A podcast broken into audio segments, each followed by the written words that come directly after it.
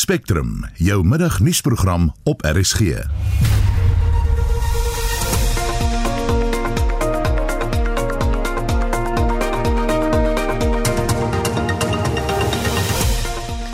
Hoofnuus in vandag se program Eskom kondig fase 2 beurtkrag tot volgende week maandag aan. This load shedding is necessary due to a shortage of generation capacity following breakdowns of two more generation units. Since the weekend, ESCOM has utilized significant amounts of emergency generating reserves, which have now been depleted and need to be replenished. Afriforum sê hy is bekommerd oor die druk op Magalies en Bloemwater na die besluit om Sedibeng water te ontbind.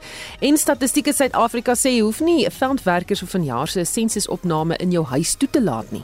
Jy kan dit by die hek doen, jy kan dit by jou prokureur doen, kan by die kerk doen, by 'n winkel of in die straat eers waar daar klomp mense is, sodat jy kan veilig voel terwyl jy dit doen. Goeiemiddag en welkom by Spectrum. My naam is Susan Paxton.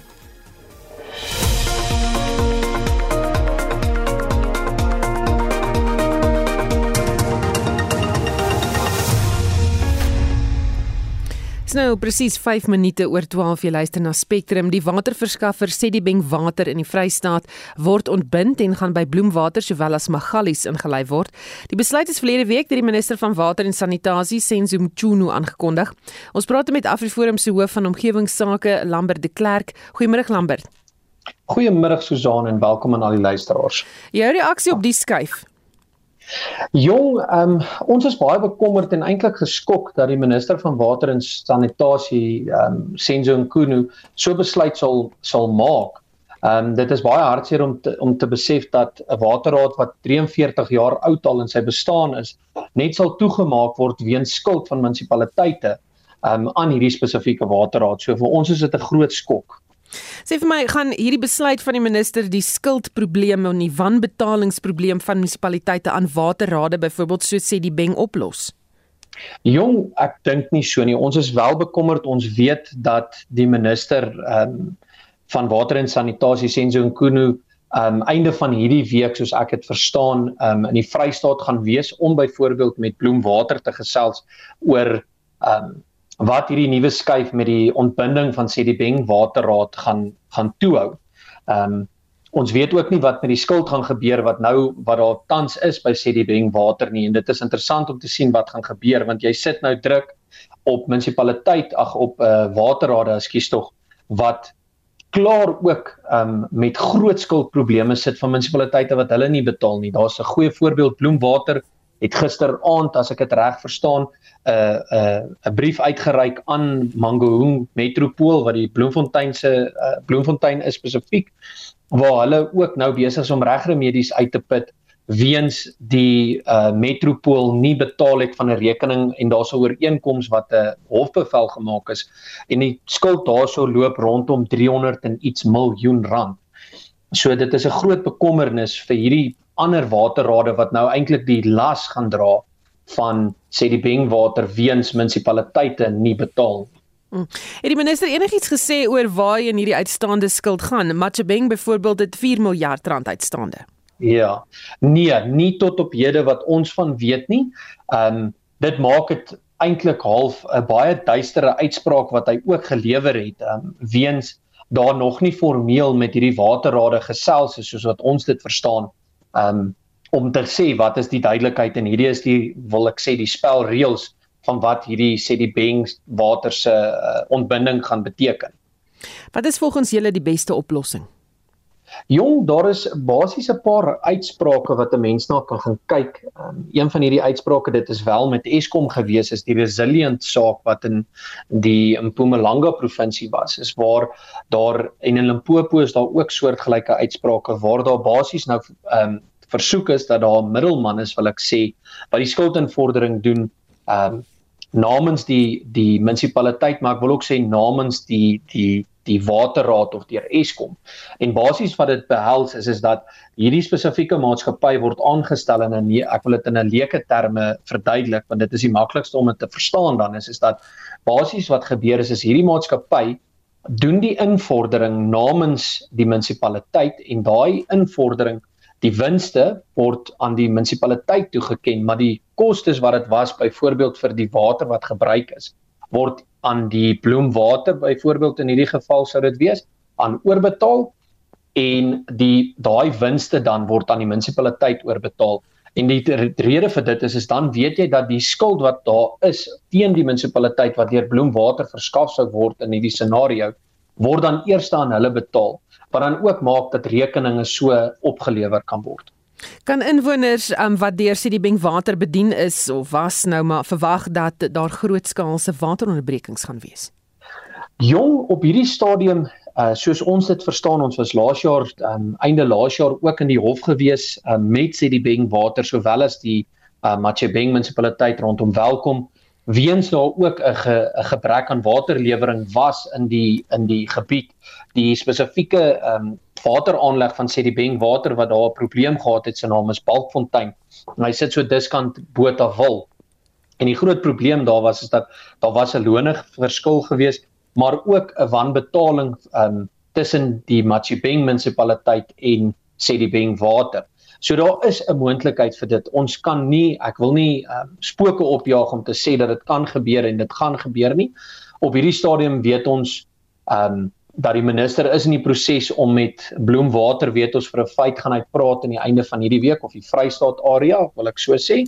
Um En dit is wat ons op hierdie stadium weet. Ek glo dat hulle sal 10 teen binne die volgende week tot 2 weke 'n plan van aksie uitreik om te sê dit is waantoe ja. um hierdie kwessie gaan. Um die grootste uitdaging is net dat daar byvoorbeeld dat hierdie munisipaliteite nie betaal nie. Dit is daar's 'n kultuur van wanbetaling binne die die munisipaliteite reg oor die land. Um Afriforum was la, so 2 weke terug ook in 'n groot groot hofsaak waar ons genootsaak was om die uh, president Cyril Ramaphosa saam met 16 ander respondente in die Vrystaat Hooggeregshof in Bloemfontein um ook uit te daag ten einde om dienslewering byvoorbeeld vir die Frankfurt of Mafube plaaslike munisipaliteit te verseker. Hmm. Baie dankie. Dit was Lambert de Klerk, Afriforum se hoof van omgewingsake en bronne van Spectrum met bevestig dat welkom omgewing die afgelope naweek uh, weer nie water gehad het nie, dit nadat hulle gedurende Kersfees 11 dae sonder water was. So as jy in die gebied is, wees bewus van hierdie beweging en wat hier aangaan en uh, maak voorsiening daarvoor dat jy water het. Die tweede deel van die staatskapingsverslag is bekend en dit fokus op die vergrype by Transnet in Denel. Vir meer oor hoe dit die politieke landskap moontlik kan verander, praat ons nou met die dekaan van die Departement Geesteswetenskappe aan Akademia, professor Pieter Dievenage. Goeiemôre Pieter. Goeiemôre Susan. Ad president Jacob Zuma se naam staan weer sentraal tot die tweede gedeelte van die staatskapingsverslag. Dit kom seker nou nie heeltemal as 'n verrassing nie absoluut nie as 'n verrassing nie. Ek sal nou op hom ingaan, eh uh, Susan, maar ek wil net so 'n klein uh, historiese prentjie skets vir jou en die luisteraars en vir myself. Uh, die kommissie het natuurlik sit nou al die afgelope 3, 4 jaar, hy's verskeie kere verleng. Dit is 'n baie duur kommissie. Dit uh, ons belastingbetalers betaal omtrent 'n miljard rand hiervoor. Een verslag is uitgereik vroeg Januarie. Ons het daar president Zuma se se naam sentraal raak geloop. Nou is dit die tweede verslag, uh, jy weet vroeg in Februarie, die laaste een verwag ons einde Februarie en soos jy reg opgemerk het, kom die naam van president Zuma weer sentraal na vore in hierdie tweede verslag van die Zondo-kommissie. Wanneer meneer Adjunk hoofregter uh, Zondo beskryf Zuma se getuienis voor die kommissie as onwaar en vals, is daar 'n meer duidelike bewys van sy beweerde aandadigheid? Ja, ek dink dit is uh, dit kom baie sterk na vore. Ons moet onthou dat die kommissie die reg gehad om getuienis uh te roep soos in 'n hof, maar 'n kommissie kan dan net aanbevelings maak en dan moet alles nou na die na, nasionale vervolgingsgesag toe gaan. Ons moet net daardie uh, prosedurele punt maak, maar dit kom in die tweede verslag ook baie sterk uh uit dat president Zuma 'n sentrale rolspeler is. Ons moet onthou hy het een keer verskyn voor die kommissie en ook uh, baie traag. Daarna wou hy nie verskyn het nie en toe hy ook later in hegtenis geneem daaroor. Ons ken die hele saga. Ehm um, en ehm um, uh, waarnemende hoofregter Zondo is in hierdie tweede verslag en die kommissie is in hierdie tweede verslag nog skerper krities oor president Zuma en sy beweerde rol jy weet rondom staatskaping ehm um, en onder toe hy as uh, uh, staatspresident was. Maar ek dink Susan, dit kom nie vir jou nie, dit kom nie vir my nie, dit kom nie vir die luisteraars as 'n verrassing nie. Die verrassing is dalk eerder dat hierdie tweede verslag nog sterker en skerper uh oor president Zuma uitkom. Polities gewys is dit die spreekwoordelike spyker in Zuma se doodskus. Dis 'n baie goeie vraag. Uh jy weet president Zuma het die vermoë uh om baie lewens te hê, baie politieke lewens en uh ek dink hierdie is 'n verdere verdoemende uh jy weet aspek van sy loopbaan as politikus. Ons weet hy's op die oomblik in die in die hof oor ander kwessies. Um of dit die laaste spyker in sy doodskus is, weet ek nie. Ehm um, maar dat dit 'n verdere spyker in die doodskus is beslis. En jy weet Susan, elke staatspresident of, of elke politieke leier wil 'n bepaalde erfenis nalat, né? Nee, president Mbeki se was nou die African Renaissance en uh president Ramaphosa dink ek wil baie graag 'n uh, erfenis uh, nalat van goeie staats of skoon staatsbestuur. Jy weet, en nou is die groot vraag, wat gaan die erfenis van president Zuma wees? En alles dui al hoe meer op uh jy weet staatskaping en dan 'n uh, persoon wat die hele tyd in die howe is en hopelik op die ou einde nie uh die tronk gaan misloop nie. Polities gewys is dit die spreekwoordelike spyker uh, in Zuma se doodskus het ons nou net oor gepraat, maar oudminister Lynn ja. Brown en Malusi Gigaba is ook daarvan beskuldig dat hulle staatskaping gefasiliteer het. Dink jy daar sal teen hulle opgetree word? Wel ek hoop so want kyk dis nou nuwe name wat bykom. Dis nou soos jy gesê het uh, oud minister Lynn Brown, oud minister Gigaba. Uh, Daar's ook ander name baie interessant. Ehm um, jy weet uh, die naam van Gwet Mantashe wat my nogal verras het in in hierdie tweede verslag. En kyk ek dink uh, om jou vraag nou baie eerlik te antwoord dat daar gaan simbolies sekere mense vervolg word en uh die groot ek noem dit die sogenaamde groot visse. Hulle gaan simbolies vervolg word. Ek dink nie daar's 'n uitweg nie. Die groot vraag is net het die nasionale vervolgingsgesag onder advokaat Betoy het het sy die nodige politieke en uh, jy weet die politieke diepte uh, en, en en is daar politieke wil dat sy dit kan doen? En tweedens um, is die mannekrag in die nasionale vervolgingsgesag uh daar. Jy weet in die ekspertise of die kundigheid. Nou ek dink um daar gaan genoeg mannekrag en daar kundigheid wees om die groot figure uh te vervolg. Ek kan nie sien jy weet na 'n miljard rand uh na die kommissie wat dit ons gekos het dat dit net sommer in die sand sal verdwyn nie. So daar gaan simboliese vervolging wees. Maar ek voorsien tog dat daar kleiner visse uh deur die net gaan glip as ek dit so kan stel Die rede is ehm um, dat die staatskaping is was 'n enorme ehm um, uh uh, uh jy weet 'n enorme omvang. En dis nie die mense bo nie, maar dit is amptenare daaronder en mense selfs op grondvlak. Nou om al daai mense vas te vat, sal omtrent 'n bo menslike taak van die nasionale vervolgingsgesag uh benodig. Ek dink gewoon nie dit gaan gebeur nie, maar dit gaan meer simbolies van aard wees. En mense kan maar net hoop dat daai simboliese vervolging uh ten minste ons staatsbestuur uh op 'n beter pad kan lei vorentoe. Baie dankie. Dit was professor Pieter Dievenage, die dekaan van die departement Geesteswetenskappe aan Akademia. Vanjaar se sensusopname is die eerste een waarin mense digitaal kan deelneem, maar verskeie mense sê hulle sukkel al klaar met die aanlyn proses. Hoewel heel party mense dit tog regkry om te registreer, is daar diegene wat glad nie regkom nie. Statistiek Suid-Afrika se kommunikasiehoof Trevor Oosterwyk sê inwoners moet geduldig wees. Ek hoor dat mense reeds verskillende ondervindings het met die registrasie dat sommer regkom en sommer aan die regkom nie. Daar was 'n paar en daar sal ook 'n paar probleme wees vir 'n nuwe ding wat nou in werking gestel word, maar ek dink mense moet net 'n bietjie patience wees en dan sal dit regkom. Jou party Landsburgers, veral die wat van tuisbesoeke gebruik moet maak, is boonop skepties oor hoe veilig die proses is. Die klerasie wat 'n veldwerk kan het is 'n groen top met 'n swart hoed en 'n sak.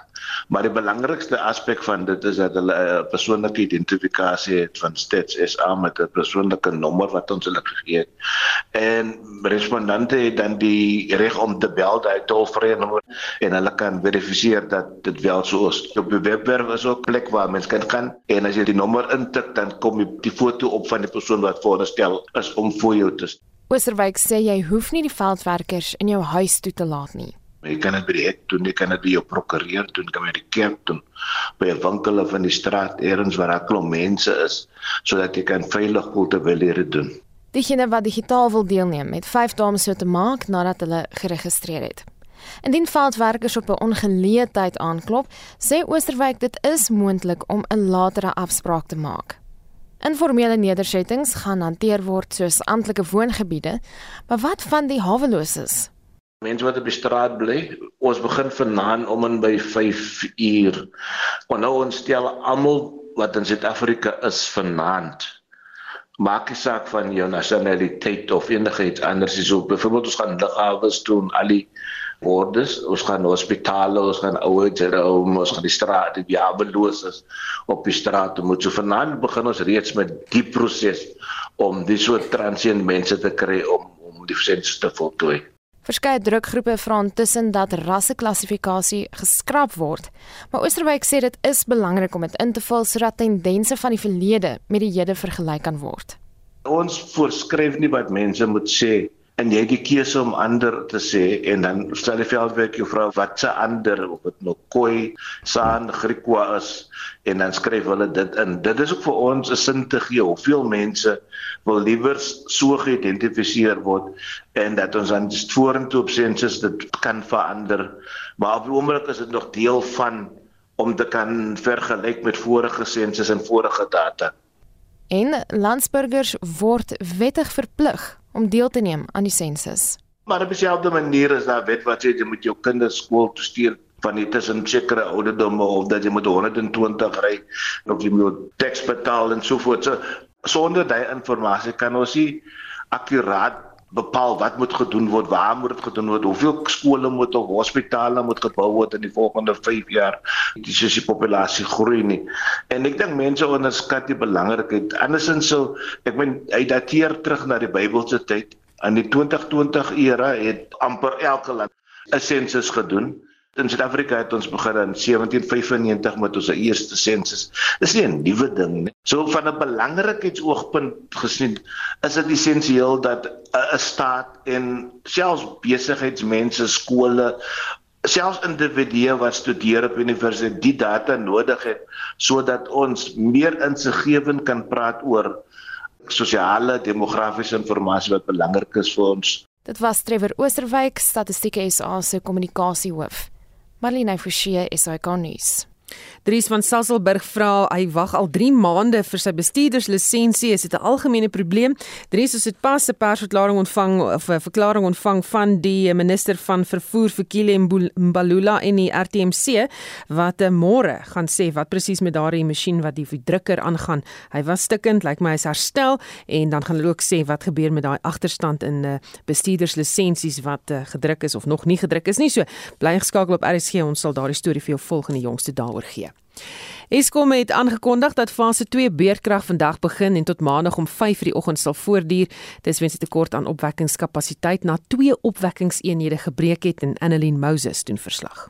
Die bestuurshoof van Eskom, Andrei De Ruyter, sê die besluit om beerdkrag in te stel is geneem as gevolg van onvoorsiene omstandighede. On unplanned load losses, we have units out uh, in full, so entirely out of production, 8,093. And then we've got partial load losses of 5,368. So a total of 13,461 megawatts of capacity that is unavailable due to unplanned outages. We uh, obviously regret this. Uh, we are working hard to bring units back as quickly as possible, and we are, I think, hoping to reduce the extent of load shedding as much as we can. Die bedryfshoof Jan Oberholzer sê daar het baie gebeur sedert verlede week se nuuskonferensie waar Eskom sy operasionele gereedheid uiteengesit het.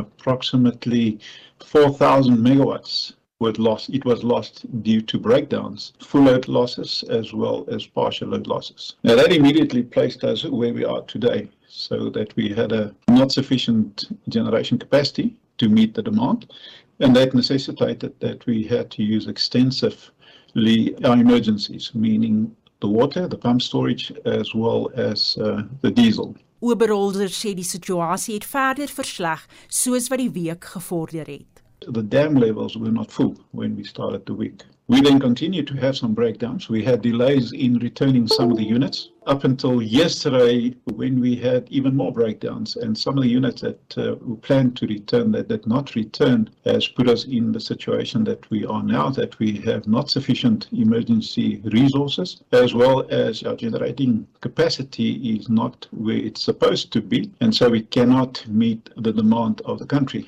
And in order, I think the chief has explained it fairly well, very well actually, that if you do not have uh, sufficient capacity where the demand is, and you take off your reserves that you need to have always, and if you're short, then you unfortunately have to implement load shedding to ensure the integrity of the system. Hy het ook die problematiese kragstasies uitgelig. We've been talking about Duva for a long time, uh, that we're putting focus there, but we remain, the, the challenges unfortunately do remain. Uh, Tutuka remains a challenge. On both these uh, two power stations, we have three units running. So not good, you know. So Tutuka, we have uh, the ability to, to run six units. We only have three. On Duva, we have the ability to run five. We only have three. Then we do have challenges at Kendall still. These are big units at Kendall, 640 megawatts.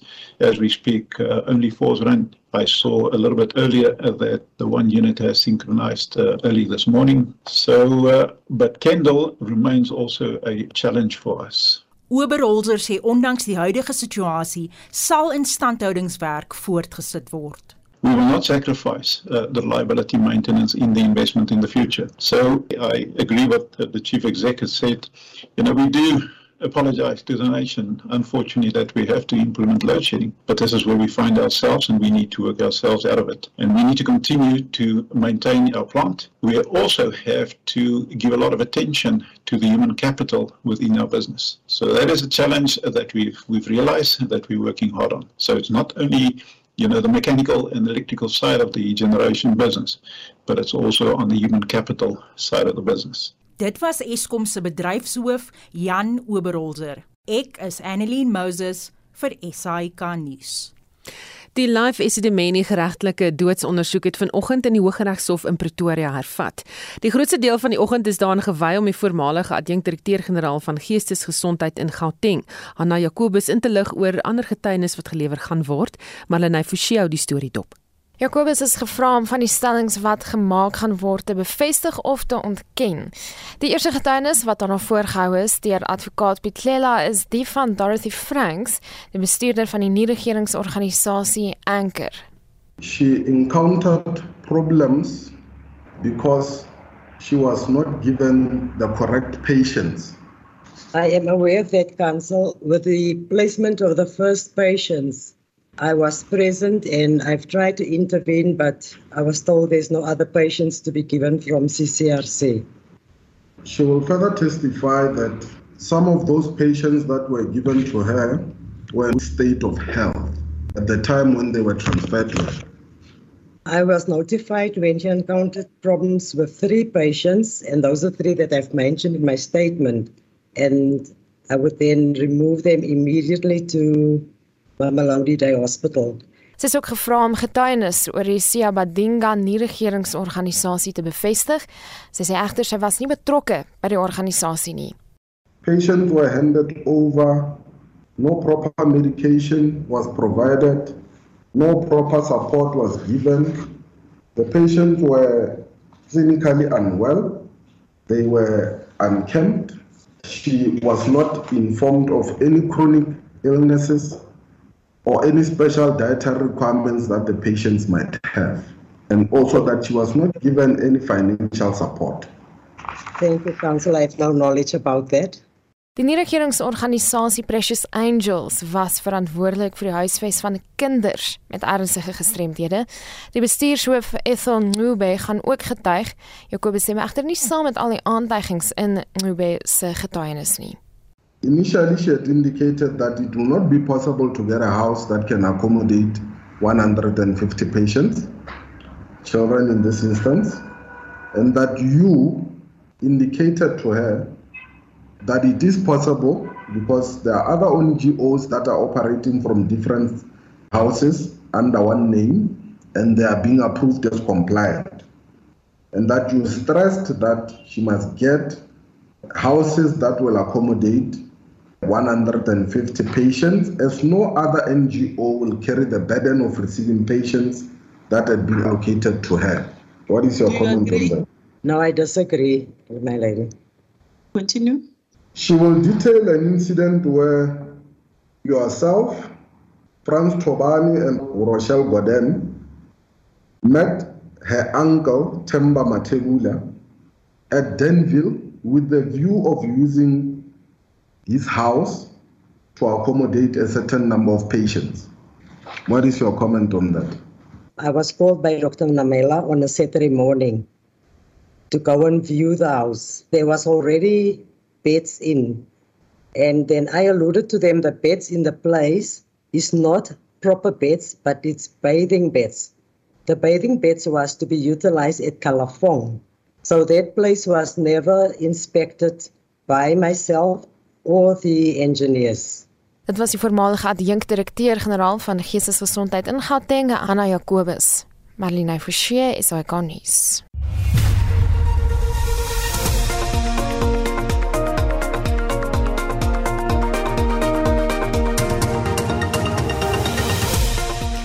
In die tweede helfte van die program na dae uiterste warm weerstoestande moet Wes-Kaapenaars nou gereed maak vir 'n koue front.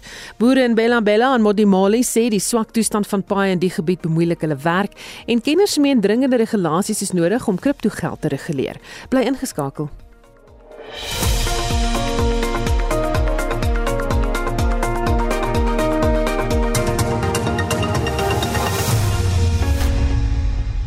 Boere in Bella Bella en Modimolle kla oor die swak toestand van paaie in die gebied. Die R516 pad vanaf die N1 tot in Bella Bella is in 'n haglike toestand en so ook die R101. Die paaie is belangrike roetes vir boere omdat daar twee veilingskrale daar geleë is en ons praat nou met die voorsitter van die Waterberg distrik Landbou Unie Henk van der Graaf oor die kwessie. Goeiemôre Henk. Das is aan, lekker om weer vir 'n slag met jou te praat. Ja, lanklaas gehoor, maar sê vir my hoe sleg is die paaie nou eintlik? Weet jy, dit is dit is daar is 'n paar paaie dis dis 'n interessante situasie wat ons hier so het. Uh die R516 wat van die N1 snelweg af tot nou in Bellabella of waar wat nou gaan. Ehm um, dit is 'n pad wat deur die provinsie onderhou word. Uh aan die ander kant van die dorp waar dit op Zimbi toe uitgaan is dieselfde R516 is 'n Sanderalpad en Sanderal se onderhoud op die pad is is is goed, daar is nie 'n probleem nie, maar die provinsiale gedeelte is ellendig. Ehm um, daar in die Settlers omgewing is daar al paaie waar die boere paadjies langs die pad gemaak het omdat die pad net eenvoudig vir jare geen aandag kry nie. So dit is 'n provinsiale probleem wat hierso is. Nou wat die wat die wat die probleem nou vererger. Ehm um, soos wat jy in jou inleiding gesê het, hier is twee veilingskrale. Ehm um, wat uh, op die twee paaie is, die R101 is die ou ene uh, Pretoria toe en dan die R516 is sommer so amper langs die N1 snelweg. Hmm. En toenemend kry hy boere dit ehm uh, het het hulle moeilikhede uh, omdat omdat voertuie nie op die paaie meer behoorlik kan ry nie. Jy weet, uh, boere soos wat dit is op die grondpaaie wat uh, nie onderhou word nie. Ehm um, daar's kontrakteurs wat nou al tot 4-5000 rand ekstra vra as hulle 'n vrag van wat ook al van jou ooste moet kom wegry net om voorsiening te maak vir breekskaar omdat die paai in so slegte toestand is. Hmm. Nou wat in hierdie omgewing natuurlik nou ook plaasvind, ehm um, is dat daar is uh, heelwat van jou van jou van jou kleiner boere, van jou opkomende boere. Jy weet wat met sy ou bakkie wat ook al nie meer so goed is nie en sy twee beeste en sy 10 skape na die veiling toe gaan, sy bakkie breek op hierdie paaie. Ehm um, en dan is hy vir alle doeleindes is hy uit uit besigheid uit. Ons sit hier so in hierdie omgewing met 'n geweldige groot agritourisme omgewing. Kyk, dis heerlike bosveld, dis lekker wegbreekplekke vir mense. En uh, so die toerisme is is baie omdat dit naby aan Pretoria en selfs die Witwatersrand is en en baie mense kom hierdie kant toe. Dis nogal bekostigbaar selfs met die verhoogde uh, brandstofprys. Maar ouens durf nie meer op die pad kom en ons het dit verlede jaar het ons dit gesien. Ouens wat wat wat met 'n woonwa kom wat kom kampeer wat net eenvoudig sê ek gaan my vakansie gaan ek kanselleer want ek kan nie op daai pad ry op die manier nie. Ja. So denk... ons het nou uit Covid uitgekom. Die toerismebedryf was toe gewees en nou is die toerismebedryf weer besig om toe te gaan as gevolg van die paaie wat wat in so slegte toestand is want jy kan met 'n kar dalk nog 'n bietjie vir 'n slaggat uitswaai maar met 'n met 'n met 'n voertuig Met 'n karavaan kan jy dit nou nie doen nie. En ja. ons het nou in hierdie naweek het ons nou op daai pad was daar 'n ongeluk gewees waarin drie voertuie betrokke is. Drie voertuie wat afgeskryf is.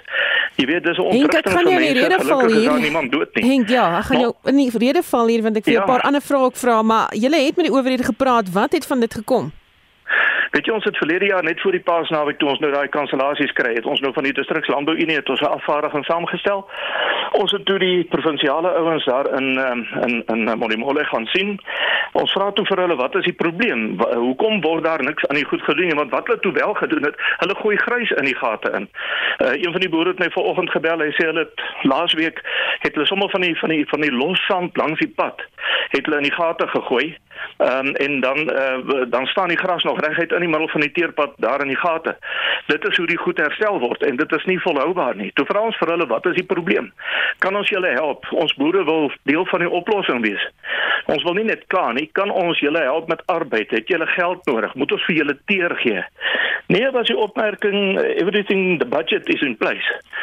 Nou hulle het toe wel daai tyd het hulle ehm um, tog wel die paaie so 'n bietjie reggemaak, maar die goed word nie in stand gehou nie. Jy weet die paaie hmm. is op hierdie stadium in so 'n toestand dat van daai paaie moet eintlik heeltemal oorgebou word.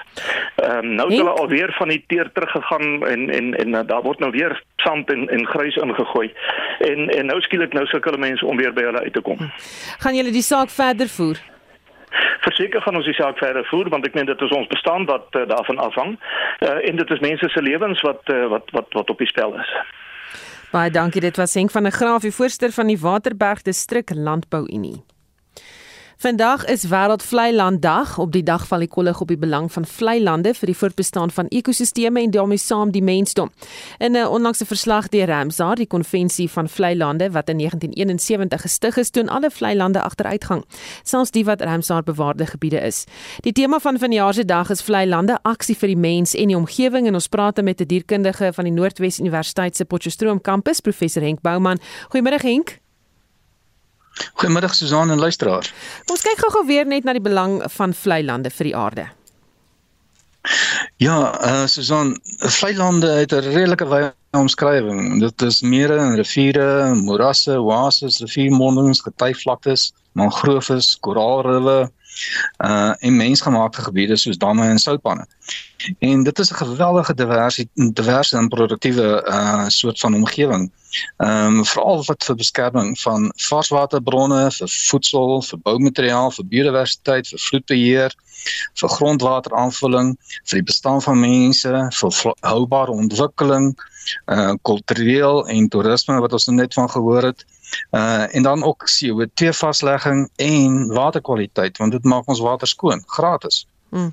En ek het net gehoor dat jy ook gesê het 'n koraalriwe val onder die vlei land kategorie. Ja. Ek was nie te lank terug wat ek dit besef het nie. Ek nie geweet nie. Goed, sê vir my, wat is die stand van ja. vlei lande oor die algemeen? Die toestand van die vlei lande is besig om globaal agteruit te gaan. Ons verloor vlei lande teen 'n koers van 0.78% per jaar. Ons het reeds 35% van vlei lande in die wêreld verloor sedert 1970. Nou om vlei lande teen daai koers te verloor, beteken nie jy, jy kry dit gou weer terug as jy wil nie. Jy weet dit, dit is 'n groot proses om vlei lande te herstel indien dit herstelbaar is.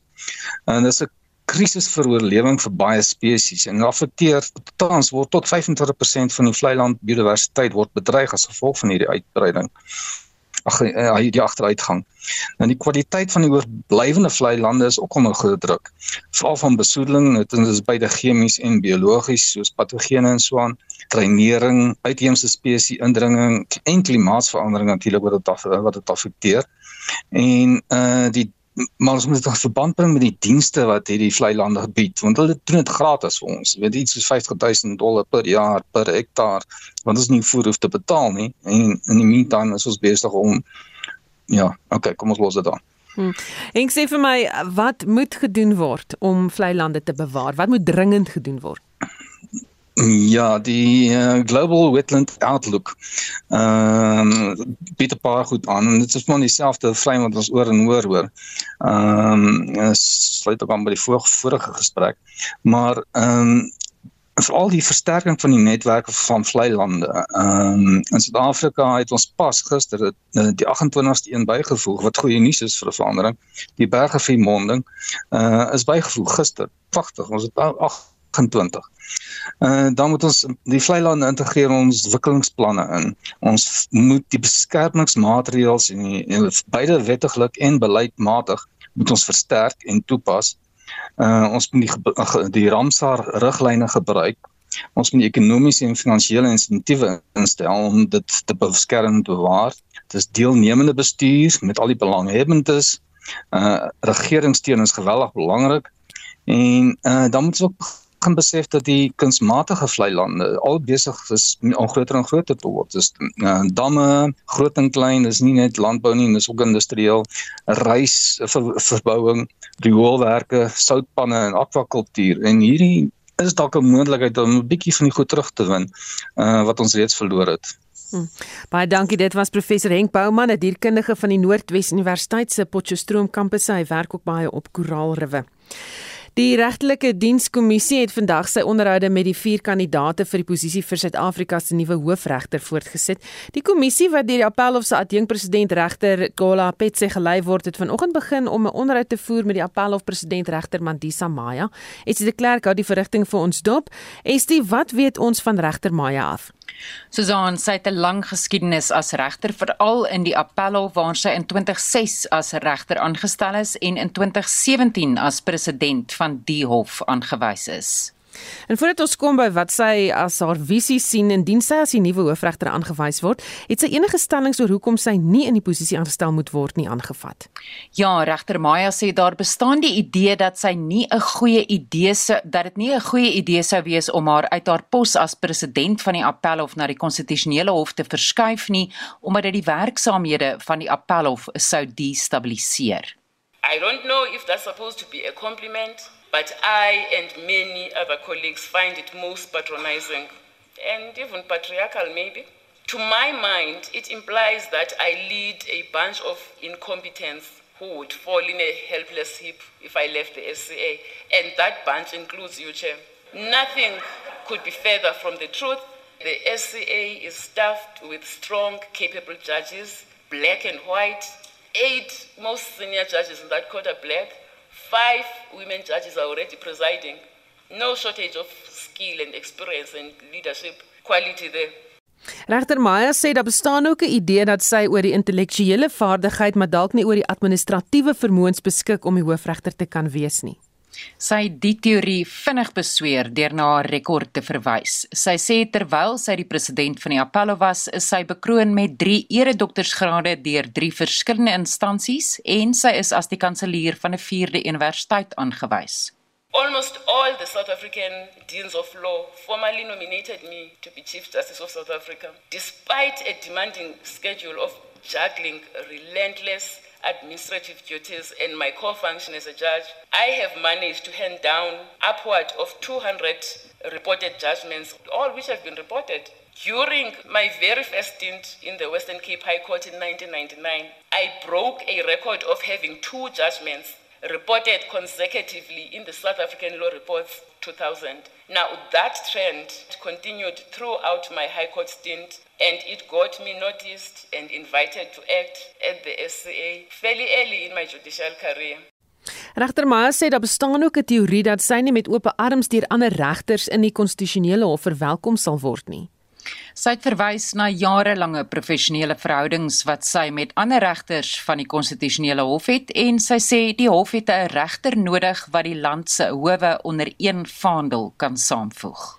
En sy sê ook die regter Petsie uitgevra oor die aanvalle op die konstitusionele hof val in verband met uitsprake wat baie lank neem. Ja, regter Maya sê die werk wat by die Appelhof en by die Konstitusionele Hof gedoen word, verskil nie so baie van mekaar nie. En haar voorstel is dat regters in die Konstitusionele Hof hulle werkswyse moet verander. It seems to me that what is needed in that court is good organization and time management, just working smartly and firmly instilling the SCA culture that you do not even leave Bloemfontein at the end of the court term until you have at least prepared a decent draft judgment in all the matters heard during that term so that those matters can be finalized at the latest at the beginning of the next term. It seems to me that a review of the Constitutional Court's work practice manual is absolutely necessary. Nou is die uh, jy weet uh, regter Maya het ook 'n ander voorstel in terme van die konstitusionele hof. Ja, Susan, haar voorstel is dat die hof moontlik uitgebrei moet word omdat soveel meer sake deesdae aangehoor word. That court can comfortably house 15 judges today and a constitutional amendment increasing the number of judges, if that route were to be adopted, would be necessary, of course, coupled, of course, with a quorum amendment to at least seven judges instead of eight. That would allow two courts to sit on more times than the current twice or once a week that we see at the Concord and increase that court's output.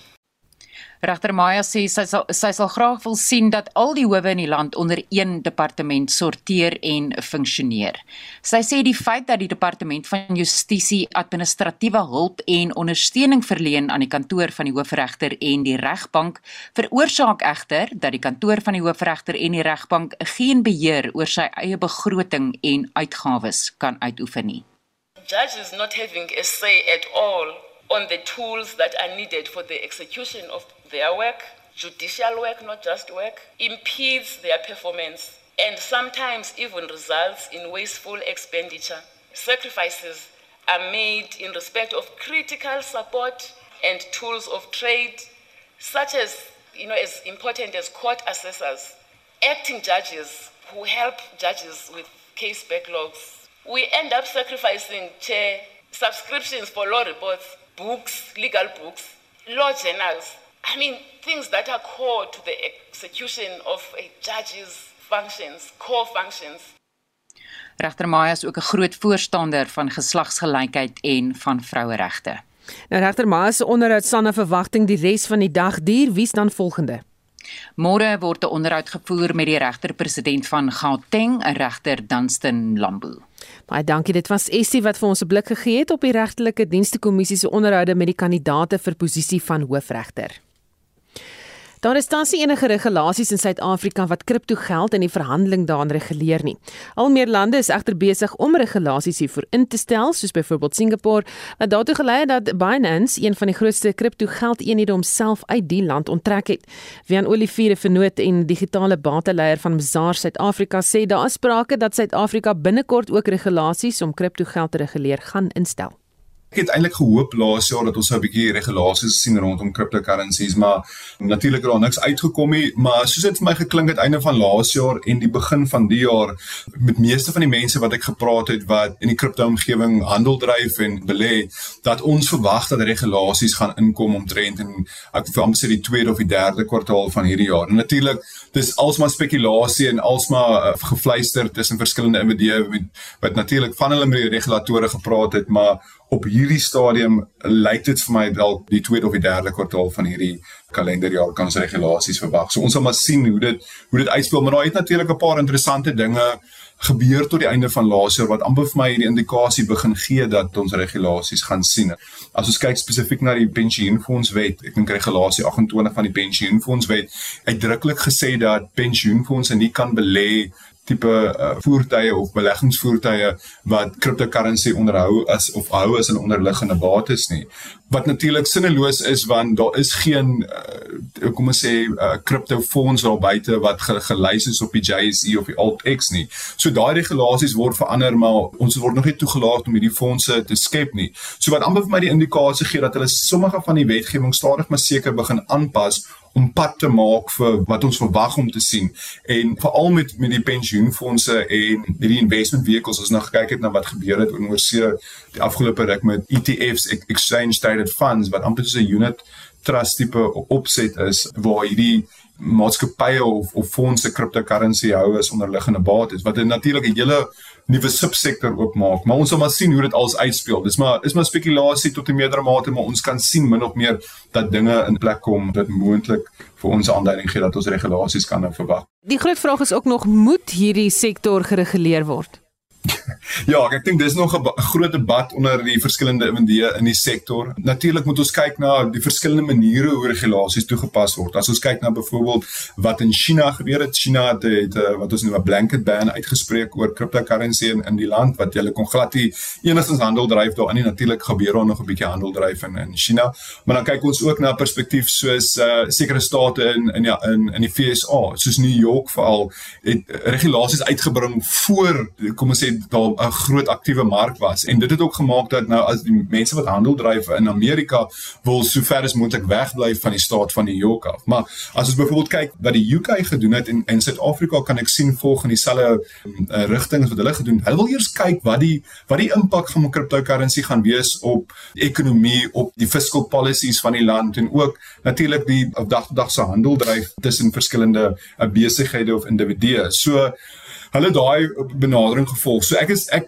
in die begin ek dink was ek redelik ontevrede oor die feit dat ons nie dit van die begin af gereguleer het nie want ek het gesien die potensiaal wat dit kan hê vir die land se ekonomie, maar ek dink as ek nou weer terugkyk oor hoe ons uitgespeel het, is ek eintlik bly dat ons hierdie benadering gevolg het. So die groot vraag of of ons reguleer of ons nie reguleer nie. Ek dink as jy met meeste ouens praat wat in hierdie industrie um, besigheid doen, sal hulle vir jou sê dat hulle reguleerde industrie wil hê spesifiek net juis omdat die verbruikers beter beskerming het in 'n gereguleerde industrie. Want as ons kyk wat in die afgelope paar jaar gebeur het met Mediterranean International in Afrika, dis reg voor die hand liggend dat ons reg uh, regulasies kort. Wat sal die moontlike impak dan nou wees op hierdie virtuele batebestuurders en hulle kliënte?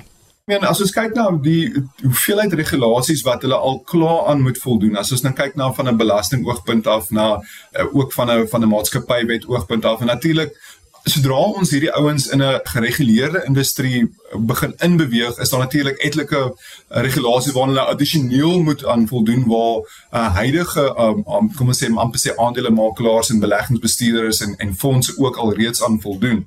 Nou natuurlik die tipe regulasies wat ons hierso van praat het 'n redelike groot impak op 'n besigheid want hulle moet seker maak dat hulle kan voldoen aan hierdie regulasies. En dit kan dit kan 'n redelike duursame proses ook wees want hulle moet nou seker maak dat hulle al al hierdie stelsels en en goed in plek stel om seker te maak dat hulle nie oor enige toue trap en en doen wat hulle nie moet doen nie. En dis wat die die groot probleem op die einde van die dag wees. So hulle moet seker maak dat hulle met die huidige regulasie wat van toepassing op hulle is van 'n belasting en 'n maatskappywet oogpunt af aan voldoen sodat hulle nie op 'n latere stadium catch-up hoef te speel om aan al daai uh, regulasies te voldoen nie, maar natuurlik dat hulle ook tot 'n meerdere mate kan adapt want dit gaan 'n geval wees van van adaptive die. En dit was Vian Olivier vernoot en digitale bateleier van Mzar Suid-Afrika. Die sake nuus word aangebied deur Robert Cameron, portefeuljebestuurder by Fisher Dugmore Sekuriteite. Goeiemôre Robert. Goeiemôre Suzan, goeiemôre uh, luisteraars. Ons plaaslike mark versterk weer eens vandag Die indeks vir alle aandele is positief met so 0,9% of 690 punte. Hy staan tans op 75580 punte.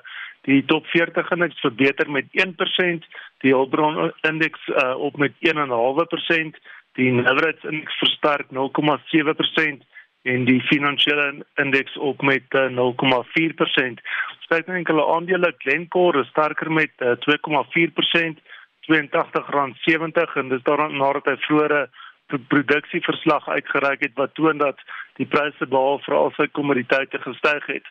Naspers sterker met 1,2% R2539, Exxaro sterker met uh, 3,2% R172.70 en dan Shoprite sit so 4,3% by.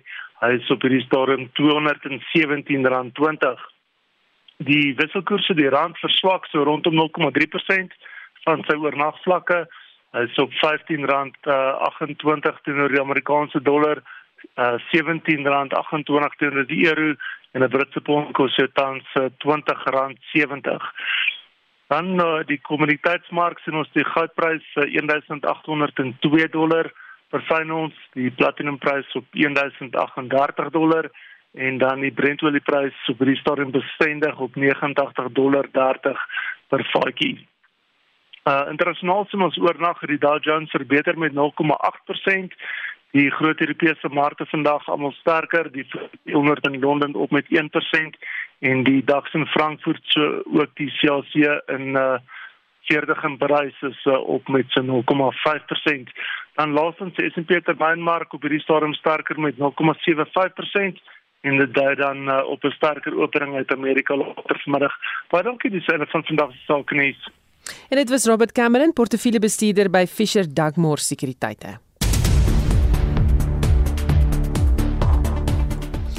Sedibeng water in die Vrystaat word ontbind en gaan by Bloemwater sowel as Magalies ingelei word. Die gevolg hiervan was die afgelope ure in die soeklig en Marine Forsie het 'n samevatting van die en ander ontwikkelende stories.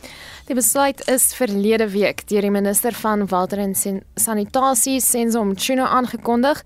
Afriforum se hoof van omgewingsake Lambert de Klerk sê die stap is kommerwekkend. Ons weet ook nie wat met die skuld gaan gebeur wat daar tans is by Sedibeng water nie. Jy sit nou druk op 'n uh, waterraad wat klaar ook met groot skuldprobleme sit van munisipaliteite wat hulle nie betaal nie. Die tweede deel van die staatskapingsverslag is bekend. Professor Pieter Dievenage aan Akademia sê die is een van die meer kritiese of die een is meer krities in vergelyking met die eerste een, maar is die vervolgingsgesag se tande skerp genoeg? Daar gaan genoeg mannekrag en dalkundigheid wees om die groot figure te vervolg. Ek kan nie sien na 'n miljard rand na die kommissie wat dit ons gekos het dat dit net sommer in die sand sal verdwyn nie, so daar gaan simboliese vervolging wees, maar ek voorsien tog dat daar kleiner visse deur die net gaan glip. Intussen sê die direkteur van die Instituut vir Verantwoordbaarheid, advokaat Paul Hoffman, kommissies van ondersoek se enigste doel is om 'n politieke warm patat te parkeer totdat die vuur doodgeslaan is. So meer oor die stelling môreoggend op Monitor as jy nuuskierig is daaroor. Beerkrag fase 2 is tot maandagooggend om 5uur van krag en die bedryfshoof Jan Oberholse sê sake by die kragvoorsiener het versleg. We then continued to have some breakdowns. We had delays in returning some of the units up until yesterday when we had even more breakdowns and some of the units that uh, we planned to return that did not return has put us in the situation that we are now that we have not sufficient emergency resources Twitter-gebruikers is glad nie tevrede nie. Load shedding en stage 2 is van die gewilde hitsmerke op die platform, maar daar word die meeste gepraat oor die enigste vroue kandidaat vir die hoofregterstoel wat nou deur die regterlike dienste kommissie ondervra word, die appelhof president Mandisa Maya. Nou die hitsmerke hier is JSC interviews en Justice Maya. Ek sien sy praat hier veral oor sy maak baie feministiese stellings as mens nou so kyk na wat sy sê op die TV-skerms. En ons gaan daai stories dophou hier op Monitor in Spectrum op RSG, so moenie dit misloop nie. Dit was Marlene Forsie met die afgelope uur se hoofnuus en ontwikkelende stories. In 360 net hierna praat hulle oor wilde sampioene en swambewaring as ook 'n persoon fokus op Gerry Coetzee. So moenie dit misloop nie, dit klink baie interessant. Vorige uitsendings van Spectrum is beskikbaar op Potgooi gaan net na RSG se webblad by www.rsg.co.za. Ons het namens ons uitvoerende regisseur Nicoline de Wet, die redakteur is Jamie Verhoef en produksieregisseur Johan Pieterse. Ek is Susan Paxton. Geniet jou middag.